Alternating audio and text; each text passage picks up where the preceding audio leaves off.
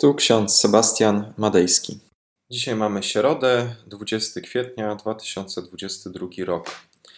Z Biblią na co dzień czytamy fragment z księgi proroka Jeremiasza, 31 rozdział, 10 werset.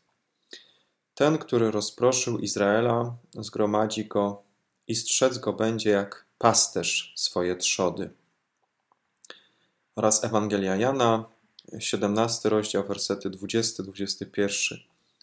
Jezus modlił się nie tylko za nimi, proszę, ale i za tymi, którzy przez ich słowo uwierzą we mnie, aby wszyscy byli jedno.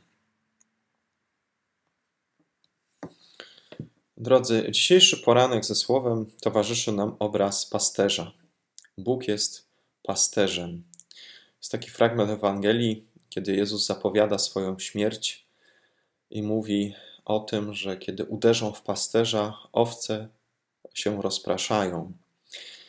E, w Starym Testamencie oczywiście mamy do czynienia z rozproszeniem Izraela, kiedy zostaje zburzona świątynia, kiedy Izrael zostaje wzięty do niewoli. Jednak w księdze Jeremiasza mamy zapowiedź zgromadzenia ich ponownie. Tak jak pasterz strzeże swoje trzody, poszukuje swoje trzody, gdy, trzody, gdy ona się rozproszy, tak też Bóg zbiera wybranych, gromadzi ich e, w odpowiednim miejscu i pociesza ich. W kontekście Nowego Testamentu Chrystus jest pasterzem. Uczniowie są jego trzodą, owcami. Także wszyscy ci, którzy przez apostołów, przez ich zwiastowanie, przez zapisane przez nich teksty uwierzą, czyli również i my jesteśmy owieczkami, trzodą Pana Boga. Modlitwa Pana Jezusa w 17 rozdziale, arcykapłańska modlitwa Jezusa jest modlitwą o jedność. Tak jak Ojciec i Syn są jedno, tak i my, chrześcijanie, powinniśmy być jedno. Powinniśmy w jedności, we wspólnocie przeżywać naszą wiarę. Niestety w chrześcijaństwie doszło do różnego rodzaju podziałów. Te podziały trwają aż do dzisiaj.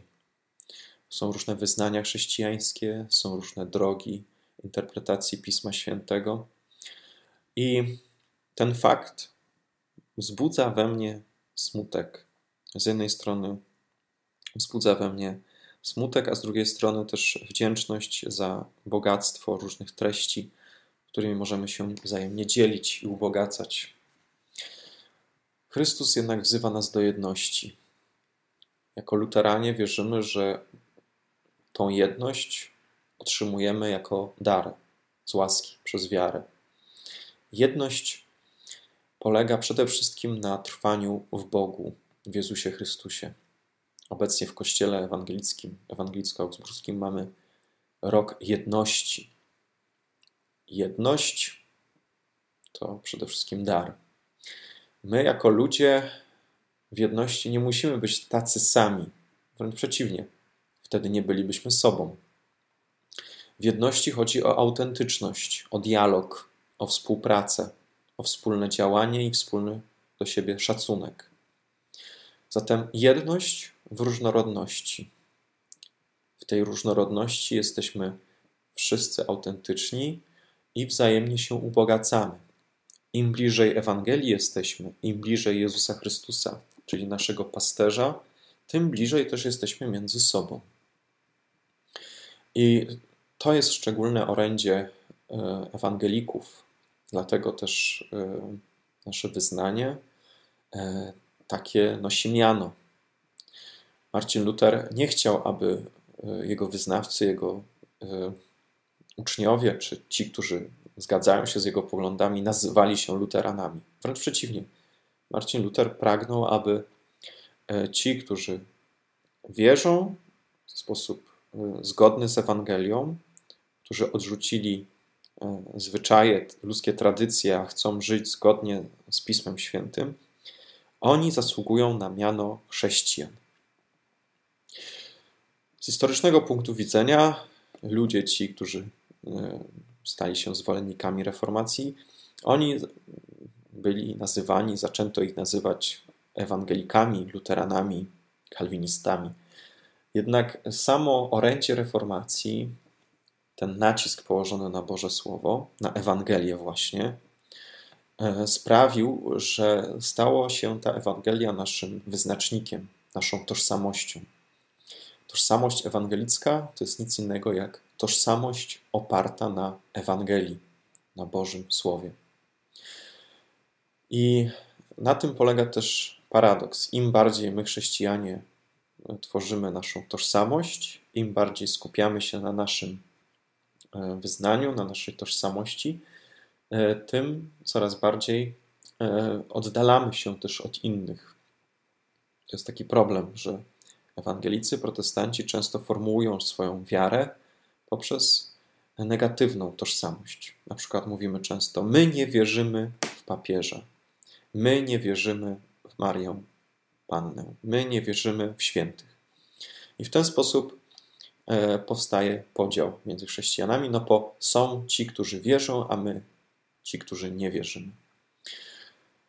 Jednak te różnice w doktrynie między wyznaniami są e, o tyle e, do przeskoczenia, e, że nie stanowią tak zwanego artykułu wiary. A ten artykuł wiary, podstawowy artykuł wiary, na którym Kościół stoi lub upada, to nie jest artykuł mariologiczny czy sakramentologiczny.